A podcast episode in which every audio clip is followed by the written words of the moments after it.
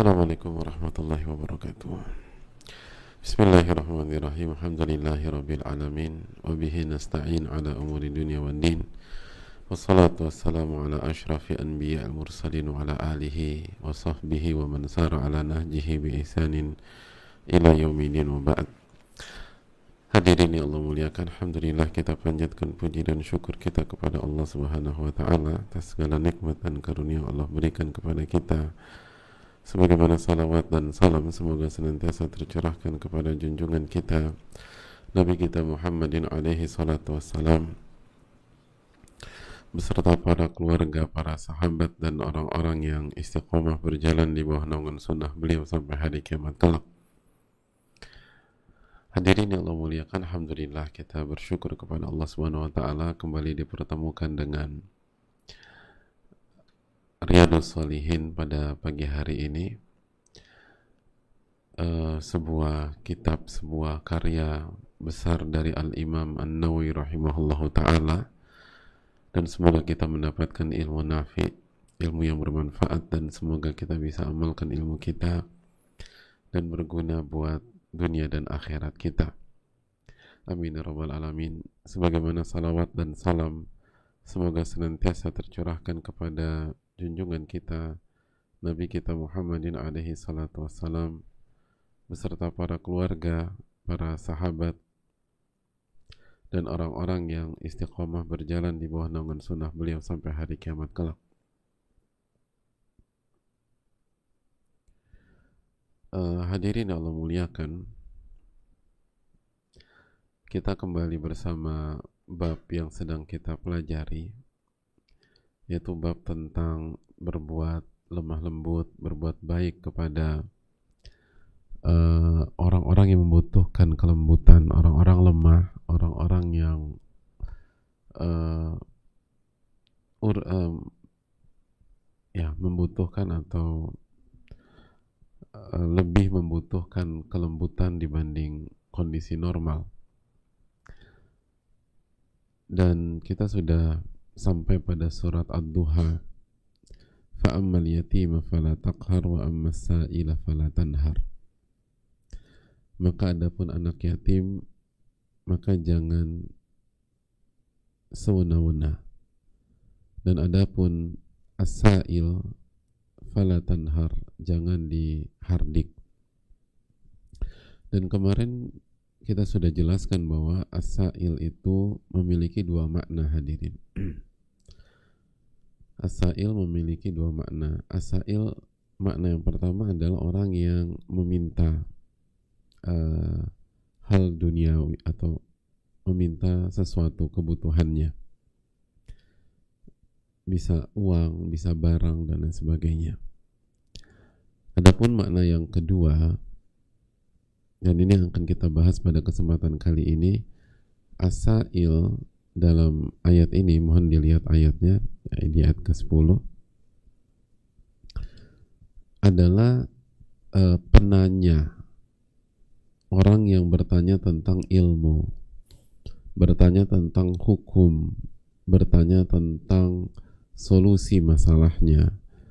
Orang yang meminta nasihat meminta uh, jalan keluar dari apa yang Allah dan Rasulnya eh, Sallallahu Alaihi Wasallam gariskan. Itu juga dinamakan as-sa'il.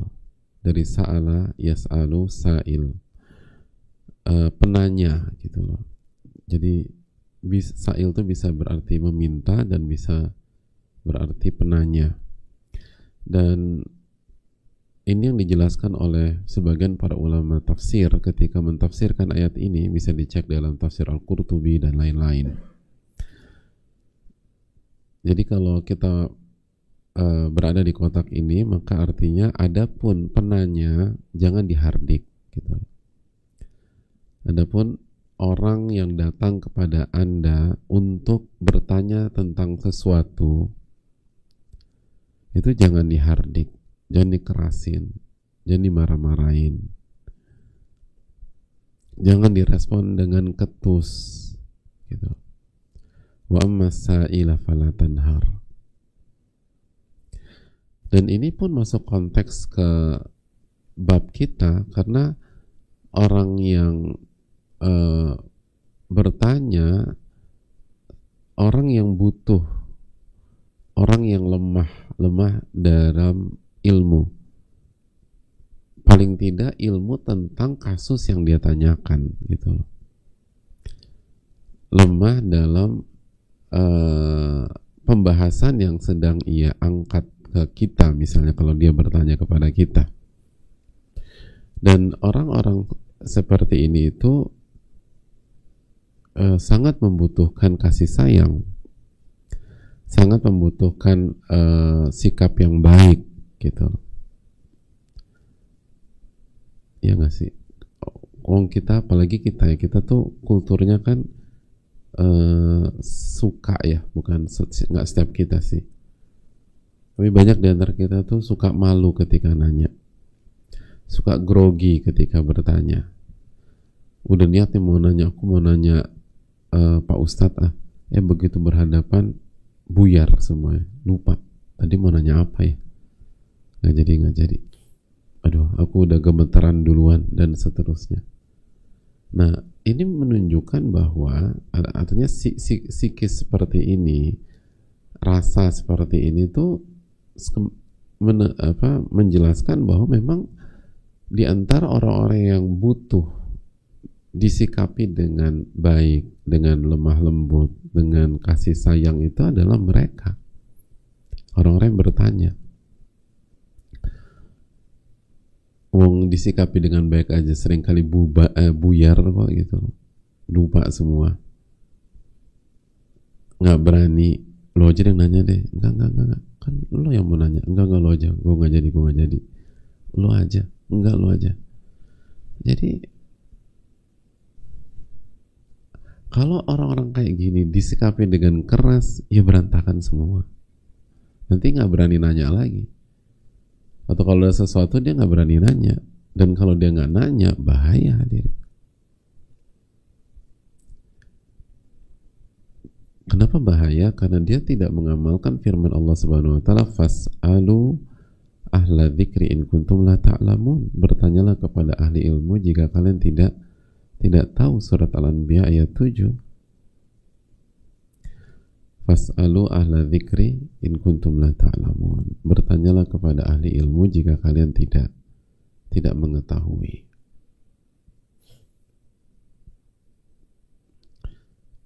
Lihat fas'alu itu fi'il amr.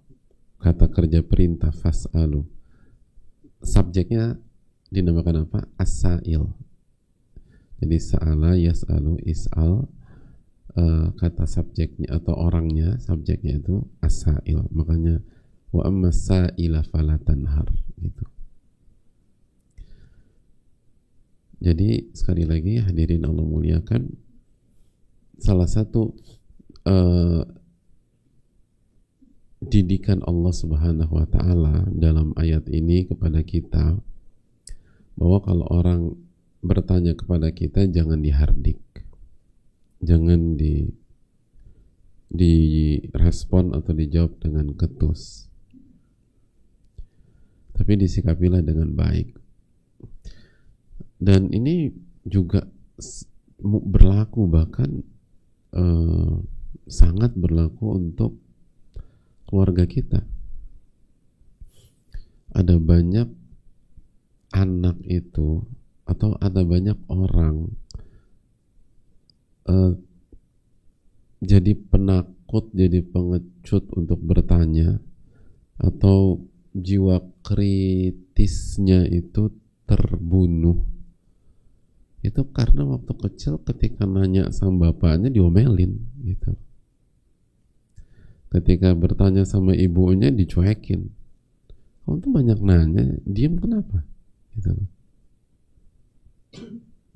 jadi ketika kecil ini anak suka nanya eh diomelin sama bapaknya? Udah udah diem diem diem. Jangan banyak nanya jangan banyak nanya. Akhirnya nggak berani nanya lagi. Dan itu akhirnya menjadi pola sampai tua. Sampai remaja sampai dewasa sampai tua begitu. Nggak berani nanya. Nggak berani nanya karena nggak direspon. Nggak di nggak direspon. Dan itu sering kali terjadi di tengah-tengah kita.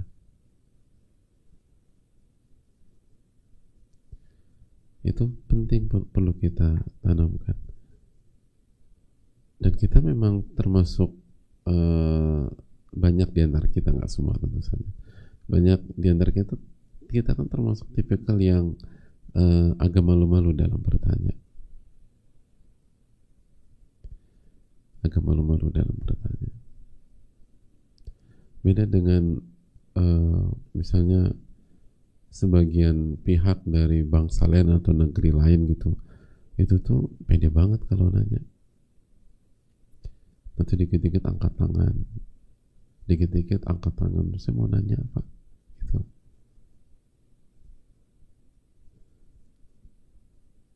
dan masya Allah gitu. Waktu dulu uh, di kelas gitu beberapa teman dari apa dari negara lain itu kalau nanya tuh pede banget gitu. Dan pas kita dengar pertanyaannya kita berpikir kayaknya pertanyaannya biasa-biasa aja. Ada kadang-kadang kurang berbobot menurut kita ya tapi kenapa mereka berani nanya ya? Kita tuh padahal mungkin pertanyaan kita lebih bagus lebih bermanfaat tapi aduh nanti nggak bermutu lagi. Atau bikin malu aja nih segala macam. Itu mental nggak semua lagi-lagi. Tapi kadang-kadang suka begitu nih sebagian kita. Padahal nggak perlu ini juga gitu hadirin. Kata Imam Malik kan tidak ada ilmu dalam Al-Quran dan Sunnah sesuatu yang mudah. Jadi semua tuh berbobot hadirin kata Imam Malik. Dan kita kan nanya harusnya karena Allah ya bukan karena uh, apa apa bukan karena bukan karena pertanyaannya bagus atau nggak bagus. Kita tuh nanya karena kita nggak tahu fasalu ala dzikrin kuntum la ta'lamun bertanya kepada ahli ilmu jika kalian tidak tahu tapi sering kali kan kendala kita suka gitu tuh. Aduh pertanyaan gue kayaknya malu-maluin deh aduh enggak deh nanti apa kata dunia? Nanti orang lain komentar apa tentang pertanyaan gue jadi kebanyakan hal-hal yang begituan tuh kita. Nggak semua. Tapi terkadang suka terjadi demikian. Iya nggak sih? Nggak. Nggak. Orang gitu nggak? Nggak. Kalau antum nggak begitu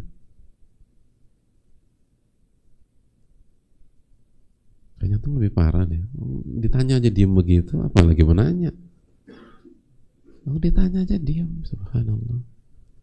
Apalagi inisiatif bertanya. Nah makanya wa amma sa'ila falatanhar. Adapun orang yang bertanya jangan-jangan dihardik. Walaupun pertanyaannya nggak berkualitas.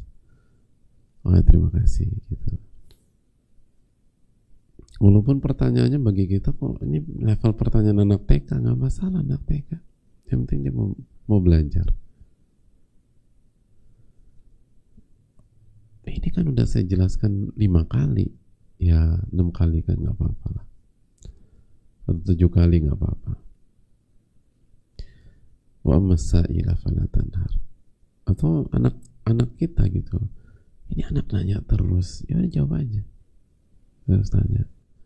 Atau mungkin orang tua yang udah mulai agak pikun nanya lagi, nanya lagi dan udah jawab aja. Wala tanhar. Jangan di jangan di apa? Jangan diketusin jangan dihardik.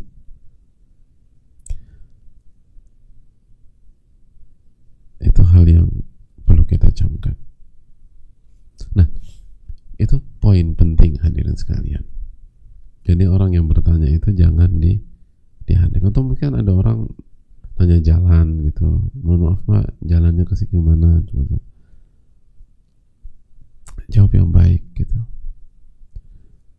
Karena dia butuh kelemah lembutan dan seterusnya. Dan itu juga sering terjadi loh. Ada banyak orang tuh muter-muter nggak jelas. Cuman karena malu nanya aja makanya kan kali apa istilah di kita kan apa? Malu bertanya atau tidak bertanya? Nah itu penyakit abang kita itu malu bertanya. Malu bertanya apa? Malu bertanya tuh jalan-jalan hadirin. Jalan terus nggak sampai-sampai. Jalan-jalan. Jadi malu bertanya tuh sesat di jalan tuh iya itulah. Karena apa? Karena malu. Padahal dia bisa nanya ke kiri bisa nanya ke kanan. Bisa nanya Pak Satpam bisa nanya uh, di pos keamanan bisa nanya ada warung mak ada warung uh, pinggir jalan ada ada warteg situ tanya aja. Enggak enggak enak. Loh, nanya lah. Kita nggak tahu sih. Oleh karena itu itu yang perlu kita tanamkan hadirin. Nah tapi perlu kita camkan juga di sisi lain. Apabila pertanyaan ini pertanyaan tentang masalah agama. Masalah ini ber, uh, pertanyaan tentang hukum. Pertanyaannya tentang masalah halal haram. Atau minta uh, keterangan apa yang Allah perintahkan dan apa yang Allah larang dalam kasus dalam sebuah kasus. Hadirin kalau kita di posisi ditanya ingat ayat ini wa amma sa'ila fala tanhar. Jangan dihardik jangan diketusin. Namun nah ini namun. Namun di sisi lain di sisi lain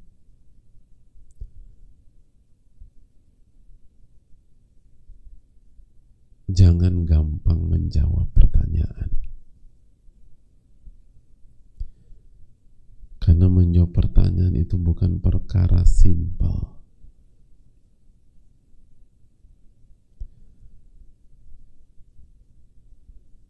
Karena menjawab pertanyaan itu bahasa ilmiahnya, bahasa ilmiahnya menjawab pertanyaan tentang hukum, tentang mana halal mana haram boleh atau tidak dan lain sebagainya itu bahasa ilmiahnya apa fatwa fatwa karena di antara definisi, definisi fatwa adalah menjelaskan hukum Allah kepada yang bertanya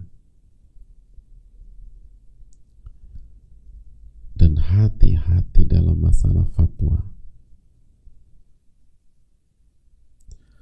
para ulama itu benar-benar menekankan masalah ini. Imam Ahmad, muridnya Imam Syafi'i dan lain-lain. Wa ankara Ahmad wa ghairu ala man yahjumu ala al-jawab.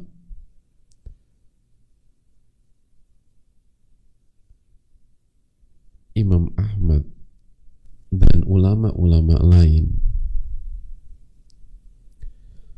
itu mengingkari orang-orang yang gampang menjawab pertanyaan agama yang dikit-dikit fatwa, dikit-dikit jawab dan itu diingkari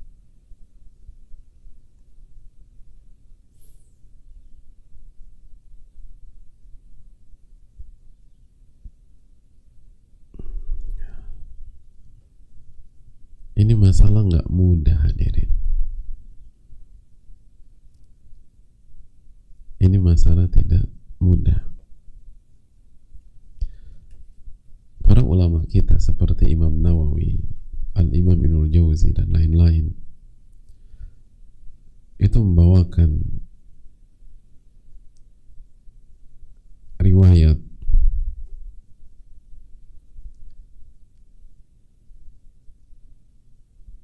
dari Abdurrahman bin Abi Layla Abdurrahman bin Abi Layla mengatakan adraktu ishrina wa mi'ah min ashabi Rasulullah sallallahu alaihi wasallam saya bertemu dengan 120 sahabat Rasul Sallallahu Alaihi Wasallam.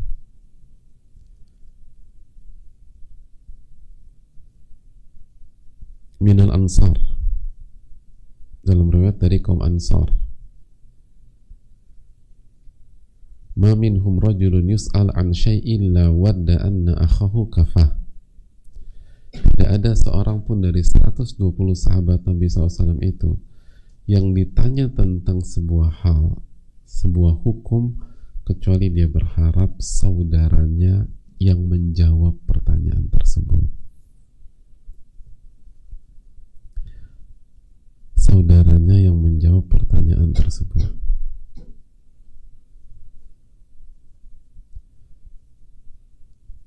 Dalam riwayat Fairudduha hadha ila hadha wa hadha ila hadha hatta tarji ila al-awwal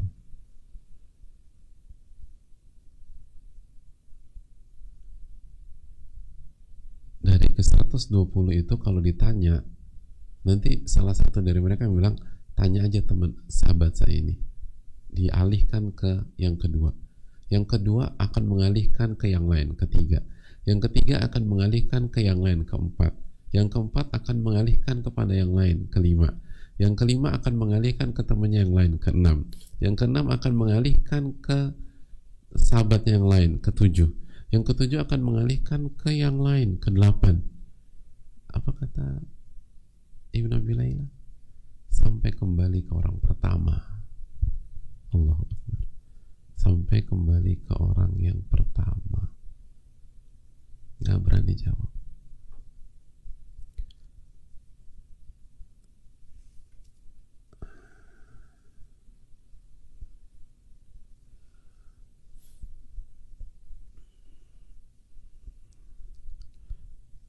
nggak berani jawab.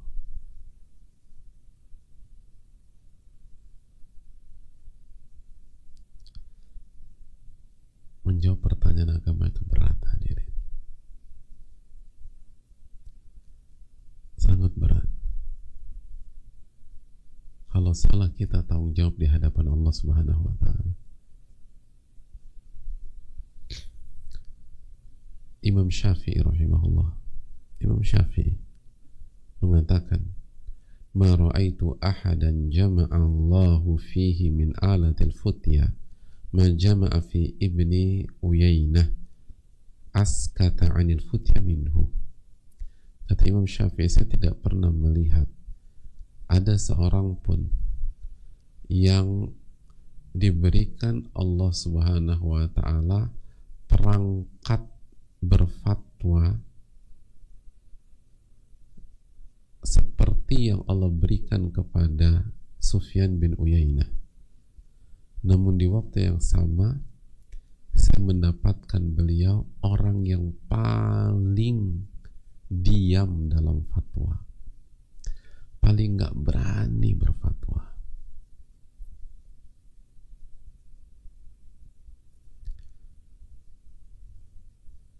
Paling nggak berani berfatwa.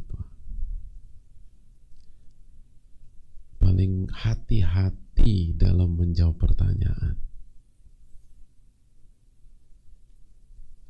Karena mereka tahu jika salah, mereka bertanggung jawab di hadapan Allah Subhanahu wa taala. Makanya ulama klasik dulu mengatakan hadirin sebelum kita menjawab pertanyaan, coba kalau bahasa kita mengheningkan cipta dulu sebentar lah Lalu bayangkan kita berada di hadapan surga dan neraka. Kalau Anda benar, semoga ini jalan menuju surga. Kalau salah, neraka.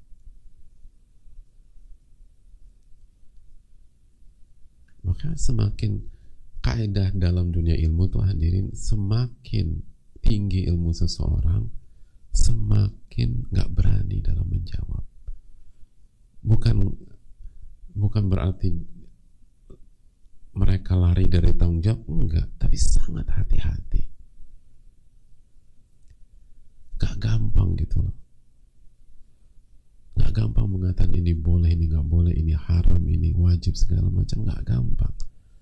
Itu yang dikatakan Sufyan bin Uyainah. Ini kaidah kata Sufyan bin Uyainah.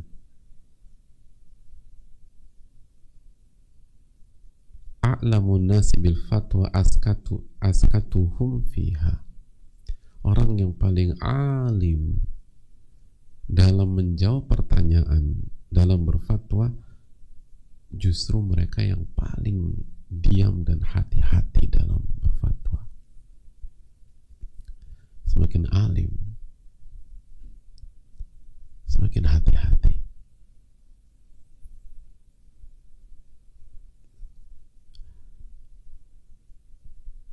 wa ajhalun nasi bil fatwa antaquhum fiha.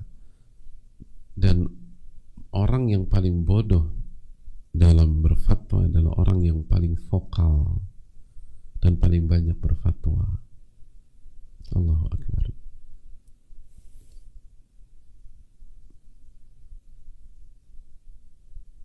Jadi orang yang paling ini kata Sufyan bin Uyainah yang dikatakan Imam Syafi'i apa tadi saya nggak pernah melihat ada orang yang ilmunya paling komplit dalam menjawab pertanyaan dibanding siapa?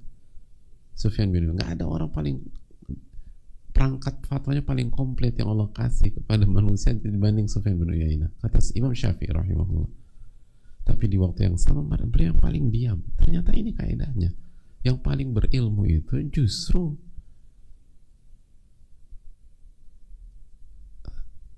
semakin hati-hati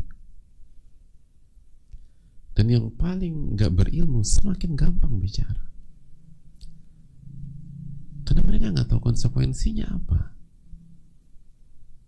Kayaknya santai kayak kayak kayak ucapan tuh nguap gitu. Padahal kan ditanya mayal fidu min qawlin illa ladaihi raqibun atid? Apa pun. Dan tidak ada satupun yang keluar dari lisan seseorang kecuali catat raqib dan atid. Kalau om kalau pembicara masalah dunia saja dicatat apalagi bicara tentang Allah tabaraka wa ta'ala.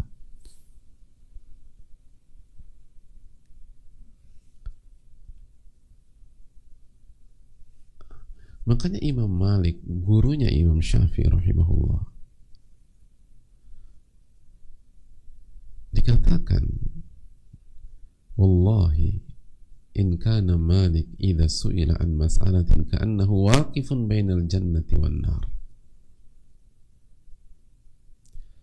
Demi Allah, Imam Malik itu kalau ditanya tentang sebuah masalah agama, seakan-akan dia, dia seakan-akan beliau berdiri di hadapan surga dan neraka.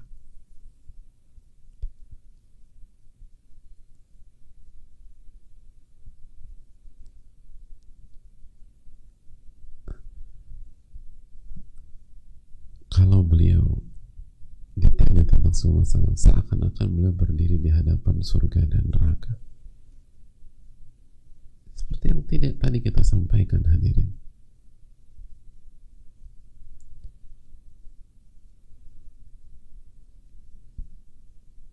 Mereka takut mereka butuh waktu.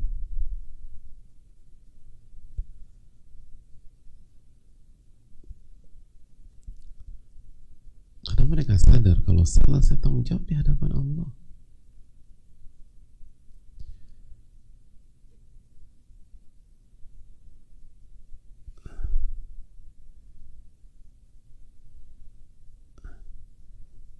itu imam-imam madhab kita hadirin Imam Malik, Imam Syafi'i. Imam Ahmad kata anaknya langsung yang mengatakan Abdullah bin Ahmad karena abi yustafta fayukthir an yaqula adri.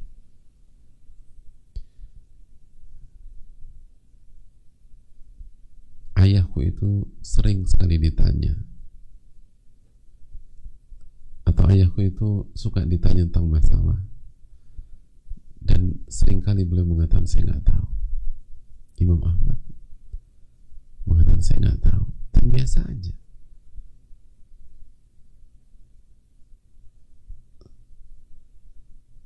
Terkadang kita berat banget mengatakan saya nggak tahu. Kok mereka biasa gampang aja sih Pak Ustadz bilang nggak tahu? Karena mereka nggak mencari ridho manusia hadirin. Mau manusia bilang bodoh ke nggak ngerti ke nggak pintar ke bukan urusan mereka kalau mereka nggak tahu mereka bilang nggak tahu. Mereka lebih khawatir ditanya sama Allah Subhanahu wa taala.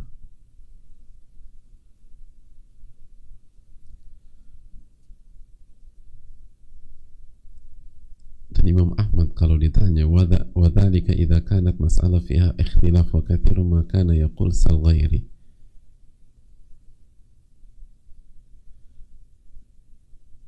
dan jika masalah dalam sebuah masalah terjadi khilaf para ulama. Dan banyak masalah khilaf. Dan kalau dalam masalah itu terjadi perbedaan para ulama. Khilaf itu perbedaan perbedaan ulama. Imam Ahmad itu sering mengatakan tanya selainku. Tanya selainku. Lalu ketika dikejar lagi fa'in kila lahu man siapa yang kita siapa yang kita tuju? Siapa kita harus tanya sama siapa gitu. Man nas'al kita harus bertanya sama siapa wa Imam Ahmad? Yaqul salul ulama. Tanya kepada ulama. Allahu Akbar. Bahasanya Imam Imam Ahmad tanya kepada ulama. Seakan-akan beliau bukan ulama padahal beliau ulamanya ulama. Muridnya Imam Syafi'i rahimahullah. Satu dari empat imam madhab tapi enggak. Tapi sering kali bilang saya nggak tahu. Apalagi kalau masalahnya perbedaan para ulama susah hadir nggak mudah. Ini adabnya para ulama kita. Karena bicara masalah agama masalah besar yang akan ditanya di hadapan Allah Subhanahu wa taala. Dan lihat bagaimana beliau mengatakan salil ulama. Tanyakan kepada ulama. Luar biasa adab beliau rahimahullah taala.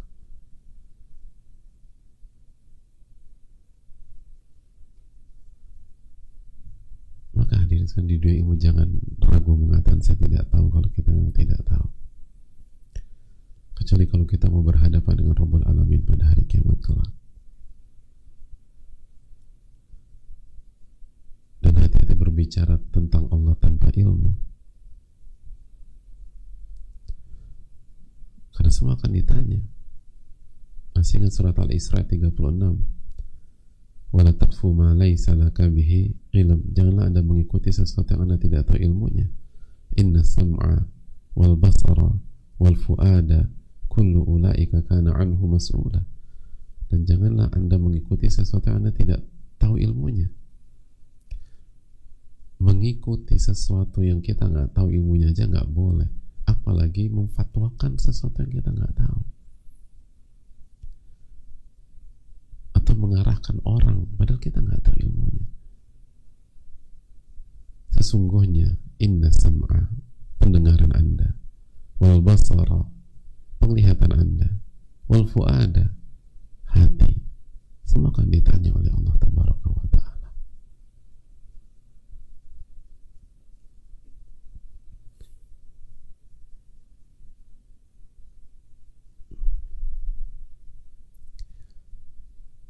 hadirin Asy'abi rahimahullah Al-Imam Asy'abi beliau pernah ditanya tentang sesuatu faqala la adri lalu Asy'abi mengatakan saya nggak tahu faqila lahu amma tastahi min qawlika la adri wa anta faqihu ahli al-Iraq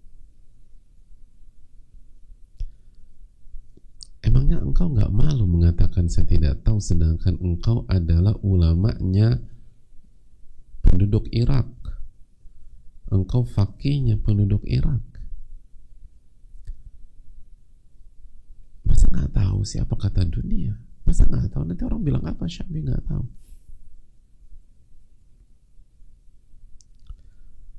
Apa kata Al-Imam Syabi?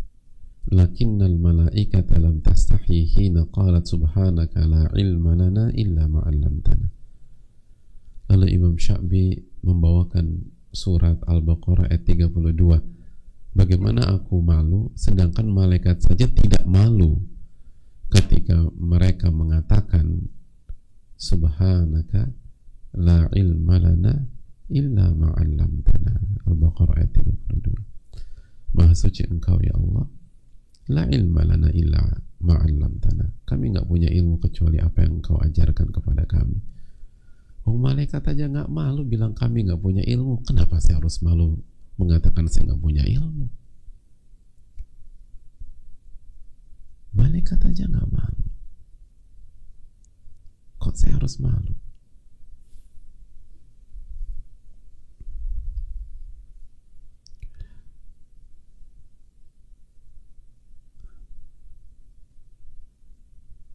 kembali ke Imam Malik hadirin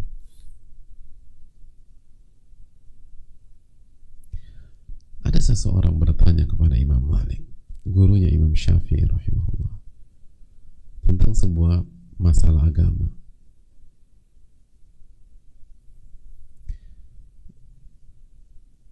Lalu Imam Malik mengatakan inilah uhsinuha. Imam Malik mengatakan apa? Ketika ditanya, saya tidak menguasai masalah ini. Sebelum tahu. Saya nggak menguasai kasus ini.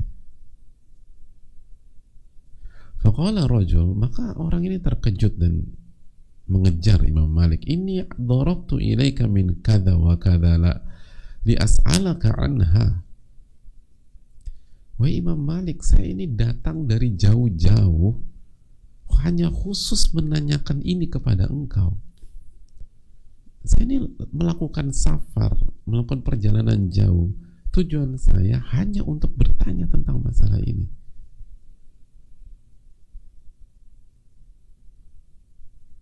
Terus gimana dong? Nanti kalau saya ditanya sama penduduk saya dan seterusnya tuh teman-teman saya warga saya tuh gimana? Apa kata Imam Malik? Fa'idha raja'ta ila mawdi'ika jika engkau kembali ke kampungmu fa'akhbirhum anni qultu laka inni la uhsinuha. Kalau engkau pulang ke kampungmu nanti engkau tinggal bilang sama wargamu sama penduduk negerimu bahwa saya Malik menyampaikan kepada engkau bahwa saya tidak menguasai masalah ini. Ya Allah Allah aku simpel banget tadi jadi nggak nggak ngeles gitu bilang aja nggak ketemu sama Imam Malik. Bilang aja Imam Malik lagi sibuk. Nggak bilang begitu. Kasih tahu mereka Imam Maliknya eh, Maliknya bilang saya tidak menguasai materi ini. Selesai. Karena bagi mereka hadirin ilmu itu bukan alat untuk showtime. Bukan panggung dunia, bukan untuk berbangga-bangga. Ini adalah amanat dan tanggung jawab yang akan ditanya oleh Allah Tabaraka wa Ta'ala. Itu poinnya.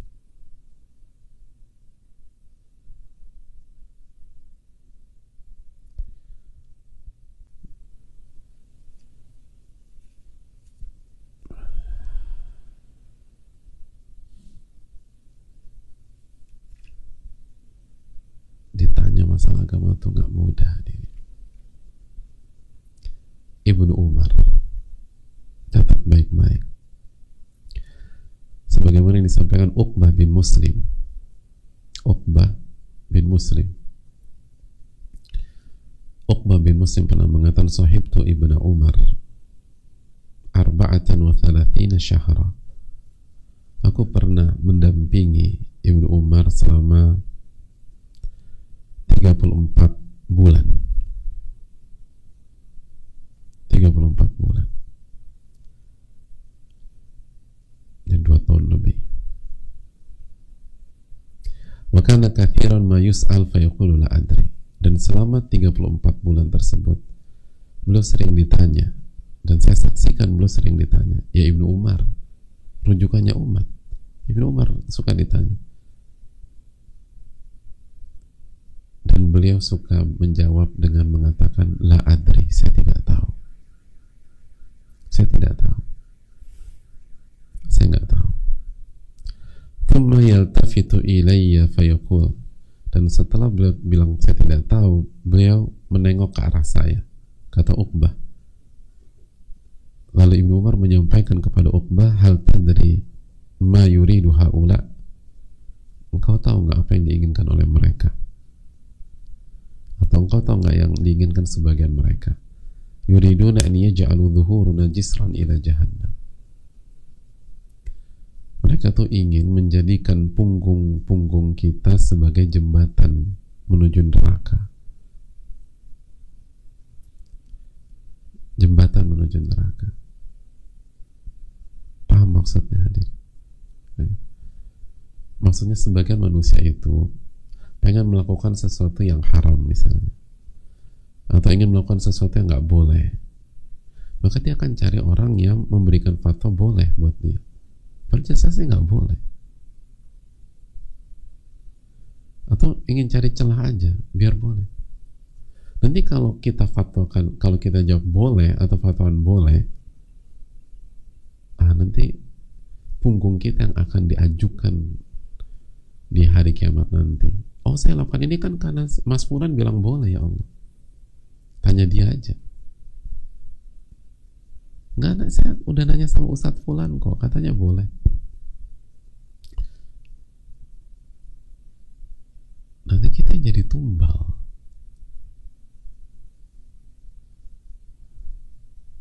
Di dunia sih enak-enak ya masya Allah boleh gitu kalau iya. Nanti di hari kiamat gimana? Kalau itu nggak boleh. Kalau boleh nggak masalah bilang boleh. Nggak boleh nggak boleh juga hukumnya halal kita bilang haram. Nggak boleh lah. Mengharamkan yang Allah halalkan juga haram. Tapi maksud Ibnu Umar radhiyallahu taala anhuma sebagai manusia tuh nyari-nyari celah nyari kesempatan nyari yang enak sesuai dengan nafsu mereka.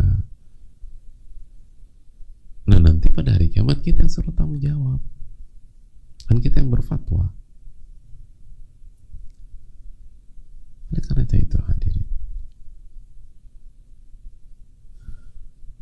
Jadi hati-hati dalam masalah ini. Makanya itu nggak heran ya tadi kita bahas bahwa para sahabat itu berharap sahabatnya yang berfatwa bukan mereka. Barra al-Barra mengatakan laqad ra'aitu thalatha mi'atin min ahli badar. Saya saya sudah melihat 300 orang ahli badar. Ma minhum min ahadin illa wa huwa yuhibbu an yakfiyahu sahibu al-fatwa. Ma minhum tidak ada satupun dari mereka min ahadin illa wa huwa yuhibbu an yakfiyahu sahibuhu al-fatwa tidak ada di antara satupun dari 300 orang ahli badar. Kecuali dia berharap sahabatnya yang mengcover kalau ada pertanyaan. Sahabatnya menjawab kalau ada pertanyaan bukan beliau. Karena takut hadir. Karena takut senang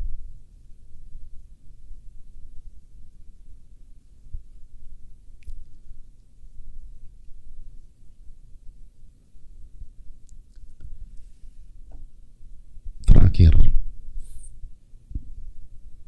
ah, bacakan keterangan para ulama. Di antaranya seperti yang dikatakan oleh uh, dinukilkan dari Imam Ahmad dan lain-lain.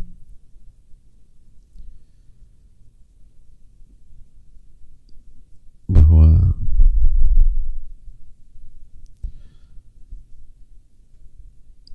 Diriwayatkan Imam Ahmad mengatakan dan ini bisa dicek dalam beberapa kitab seperti Kasyaful Kina dan lain-lain. Kata Imam Ahmad, muridnya Imam Syafi'i rahimahullah, layan bagi an yujiba fi kulli ma layan bagi li rajuli tidak tidak layak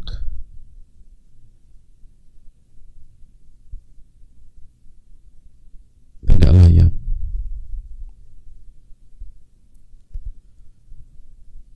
Bagi seseorang untuk uh, menghadapi fatwa atau berhadapan dengan fatwa atau menjawab pertanyaan sampai dia memiliki lima hal kata beliau. Sampai dia memiliki lima lima hal jadi jangan menjawab pertanyaan sampai seseorang itu punya lima hal. Yang pertama singkat saja. Antakuna lahu niyatun fa illam yakun lahu niyah.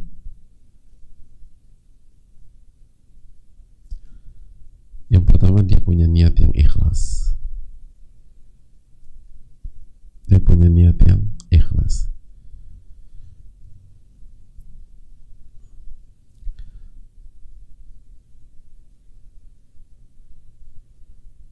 Karena kalau dia tidak punya niat yang ikhlas, maka dia tidak akan diberikan cahaya oleh Allah. Jadi kalau kita ingin menjawab pertanyaan, pastikan niat kita benar. Bukan niatnya ingin tampil, ingin menunjukkan bahwa kita punya ilmu, ingin agar dikenal oleh orang, ingin memperlihatkan hafalan kita dan seterusnya, atau luasnya ilmu kita tidak. Tapi niatkan untuk menutup fardu kifayah, untuk menunaikan amanat ilmu, untuk mengamal wa amma sa'ila falatanhar dan seterusnya. Untuk membantu orang yang butuh pertanyaan, yang butuh jawaban Jadi itu niatnya. Karena kalau nggak ada niat, lam yakun alaihi nur wala ala kalam wa ala kalamihi nur. Dia tidak akan dikasih cahaya dan ucapannya pun juga tidak bercahaya. Jadi niat itu penting. Setiap orang yang menjawab tanya dulu, kenapa dia jawab? Apakah karena Allah atau bukan karena Allah? Yang kedua, an yakuna lahu hilm wa waqar wa sakinah Kata para ulama, sifat yang kedua kalau ingin menjawab pertanyaan, orang tua harus hilm, harus matang, wakar, punya wibawa, wasakina, tenang. Jadi orang yang menjawab pertanyaan tentang Allah, tentang apa yang Allah turunkan, itu harus punya kematangan harus punya kedewasaan. Harus punya wakar, punya wibawa. Wasakina, punya ketenangan. Nggak boleh lagi emosi. Makanya kan kaidah mengatakan layak dil qadi wa huwa seorang hakim tidak boleh memutuskan ketika lagi marah. Dan ulama usul mengatakan bahwa uh, dan eh, hal-hal yang semakna dengan amarah yang bisa memecahkan konsentrasi dia. Orang tuh kalau memutuskan sesuatu, apalagi atas nama Allah, itu harus lagi tenang, fokus, nggak boleh pecah konsentrasi. Karena ini masalah akhirat, sebagaimana Imam Malik mengatakan, kalau setiap ditanya beliau seakan-akan berada di hadapan surga dan neraka. Jadi bukan hanya cerdas atau pintar saja, tapi kepribadiannya harus tenang. Harus matang. Harus punya wibawa. Itu yang kedua. Yang ketiga an yakuna qawiyan ala ma huwa fihi wa ala ma'rifatihi. Dia punya kekuatan dalam hal tersebut dan punya ilmu yang dalam dalam hal tersebut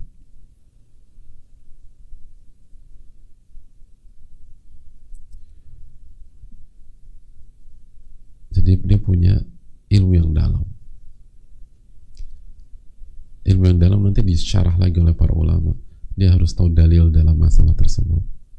Dia harus tahu uh, bahasa Arab. Dia harus tahu usul fikih. Dia harus tahu di mana masalah yang khilaf dan mana masalah yang ijma yang ada perbedaan tidak dalam masalah tersebut. Kalau ada perbedaan, apa titik perbedaannya? tahrir mahal nizaknya tuh di mana gitu menentukan uh, titik pro dan kontranya tuh di mana? Dia harus tahu mana yang ijma mana yang khilaf. Karena kalau orang tidak tahu masalah khilaf atau ada perbedaan nggak boleh dia memutuskan. Kata kota ada man lam ya'rifil khilaf lam yashummal fikha bi anfi barang siapa yang tidak tahu perbedaan ulama dia belum mencium aroma fikih dengan hidungnya. Allahu Akbar. Jangankan ngerti cium aromanya aja belum pernah kalau ada khilaf ada berapa pendapat dia harus tahu? Sehingga kalau dua pendapat dia nggak boleh buat pendapat ketiga. Kalau tiga pendapat dia nggak boleh buat pendapat keempat. Kalau ada lima pendapat dia nggak boleh buat pendapat keenam. Itu masalah pelik kan dia harus tahu semua dalil dia harus tahu usul fikih dia harus tahu bahasa Arab dia harus tahu mana ijma mana khilaf. Dan ini dia kuasai itu. Dia kuasai dia harus tahu nasikh dan mansuh kata Imam Syafi'i.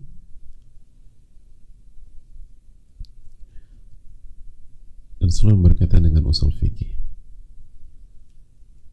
Itu yang keberapa yang ketiga jadi dia harus tahu dia harus tahu dia harus tahu masalahnya apa dalilnya seperti apa dan pendalilan seperti apa dan bagaimana mengeluarkan hukum dari sebuah dalil dia harus mengerti yang berikutnya. Al-kifayah al-kifayah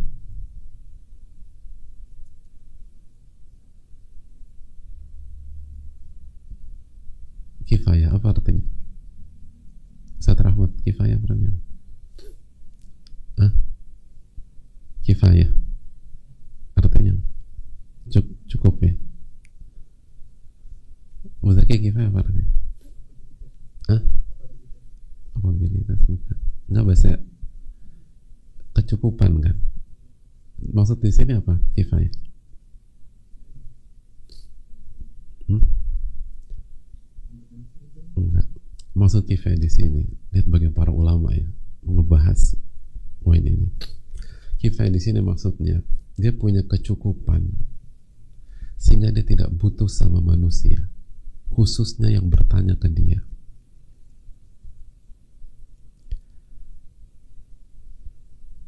فإنه إذا لم تكن له كفاية احتاج إلى الناس وإلى الأخذ مما فيه الله أكبر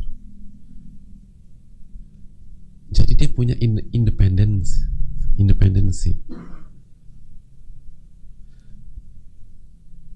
beda kalau dia dia butuh sama yang bertanya dikhawatirkan dia nggak objektif karena dia khawatir kalau yang bertanya nggak nyaman nggak seneng yang bertanya nggak ngasih sesuatu ke dia. Jadi dia harus punya kecukupan secara finansial secara duniawi. Atau hal-hal yang membuat dia independen.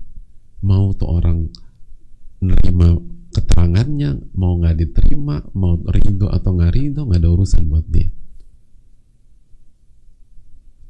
Dalam arti tugas dia adalah menyampaikan apa yang Allah tetapkan. Dan kalau misalnya manusia pergi dari dia dia masih bisa hidup.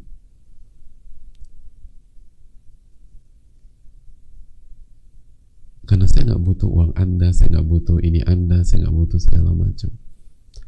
Jadi fatwa fatwanya atau jawabannya objektif independen murni sampai begitu hadirin. Bukan hanya cerdas.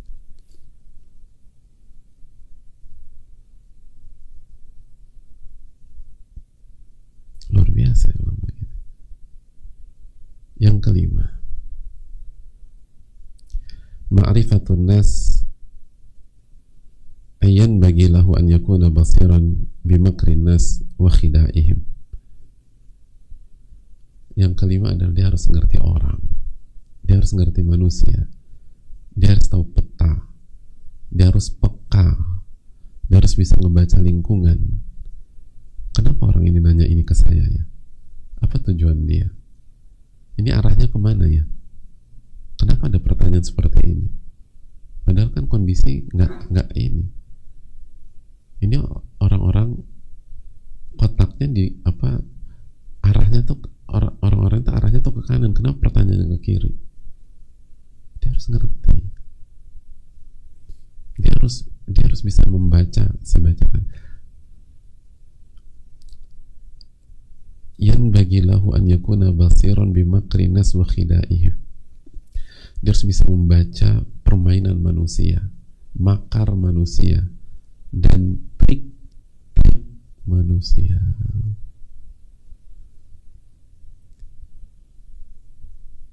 jadi walaupun cerdas atau atau atau pintar tapi kalau dia polos nggak boleh dia menjawab pertanyaan.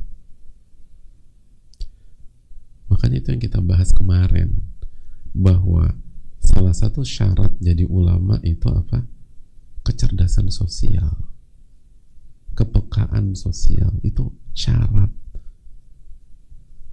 Bukan hanya bukan hanya hafalan atau banyak membaca itu penting. Hafalan penting banyak membaca penting tapi dia harus ngerti lingkungan. Kok begini sih? Ini orang apa maksudnya?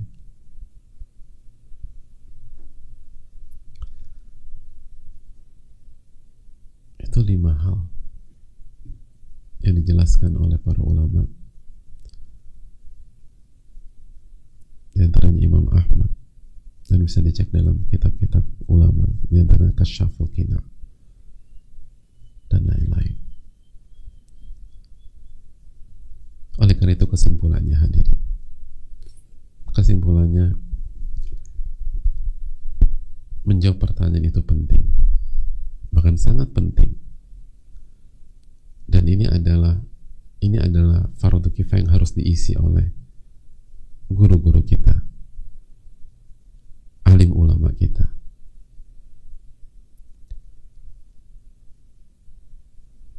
dan kalau ada saudara kita atau alim ulama atau ahli ilmu yang uh, berdiri di kotak ini laku perasaan kita harus seperti perasaan sahabat senang kita. Alhamdulillah.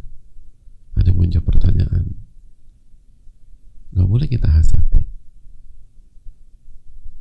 Gak boleh kita, justru kita senang Alhamdulillah ada yang. Sebagaimana tadi hadis apa? Ibnu Abi Laila. 120 sahabat beliau temui dan semuanya pengen saudaranya yang mengcover itu semua. Dan hadis Al-Barra 300 ahli badar semuanya pengen saudaranya yang menjawab. Maka terapkan begitu. Kita Alhamdulillah. Kalau ada saudara-saudara guru-guru kita yang jawab Alhamdulillah. Tapi buat kita hati-hati. Kembali ke konsep kita. Buat kita hati-hati. Kita punya kapasitas apa tidak? Siap nggak kita kalau di di apa dijadikan tameng oleh orang-orang yang bertanya kepada kita? Bahwa kita harus tanggung jawab terhadap jawaban kita tersebut Jadi buat kita hati-hati. Adapun kalau kita lihat ada ahli ilmu yang punya kapasitas dan sudah alhamdulillah dan kita doakan semoga mereka dijaga oleh Allah. Gitu. Doakan yang alim ulama yang duduk di majelis ulama dan seterusnya kasih fatwa doakan. Semoga dijaga oleh Allah. Semoga fatwanya diberikan taufik oleh Allah taala. Karena pos fatwa memang harus ada yang mengisi. Dan alhamdulillah misalnya kita dicukupkan dengan mereka. Dan ini berlaku untuk semua negeri. Harus ada. Dan semoga mereka diberikan kekuatan dan buat kita hati-hati. Buat kita hati-hati jangan gampang dalam menyampaikan masalah ini. Ini bisa disampaikan. Mohon maaf agak panjang pada kesempatan kali ini. Karena masalah ini masalah penting. Dan semoga kita dijaga oleh Rabbul Alamin. Dan semoga Allah memaafkan segala khilaf kita khususnya khilaf dalam menjawab pertanyaan. Dan dari sini kita sadar bahwa sisi tanya jawab itu nggak mudah diri. Nggak mudah jadi kalau misalnya ada guru-guru kita yang agak berat dalam sistemnya, kita harus mengerti. Bukan karena nggak mau tapi sesi tanya jawab itu tanggung jawabnya besar di hadapan Allah. Saya rasa cukup. Semoga Allah kasih taufik. Subhanakallahumma wa assalamualaikum warahmatullahi wabarakatuh.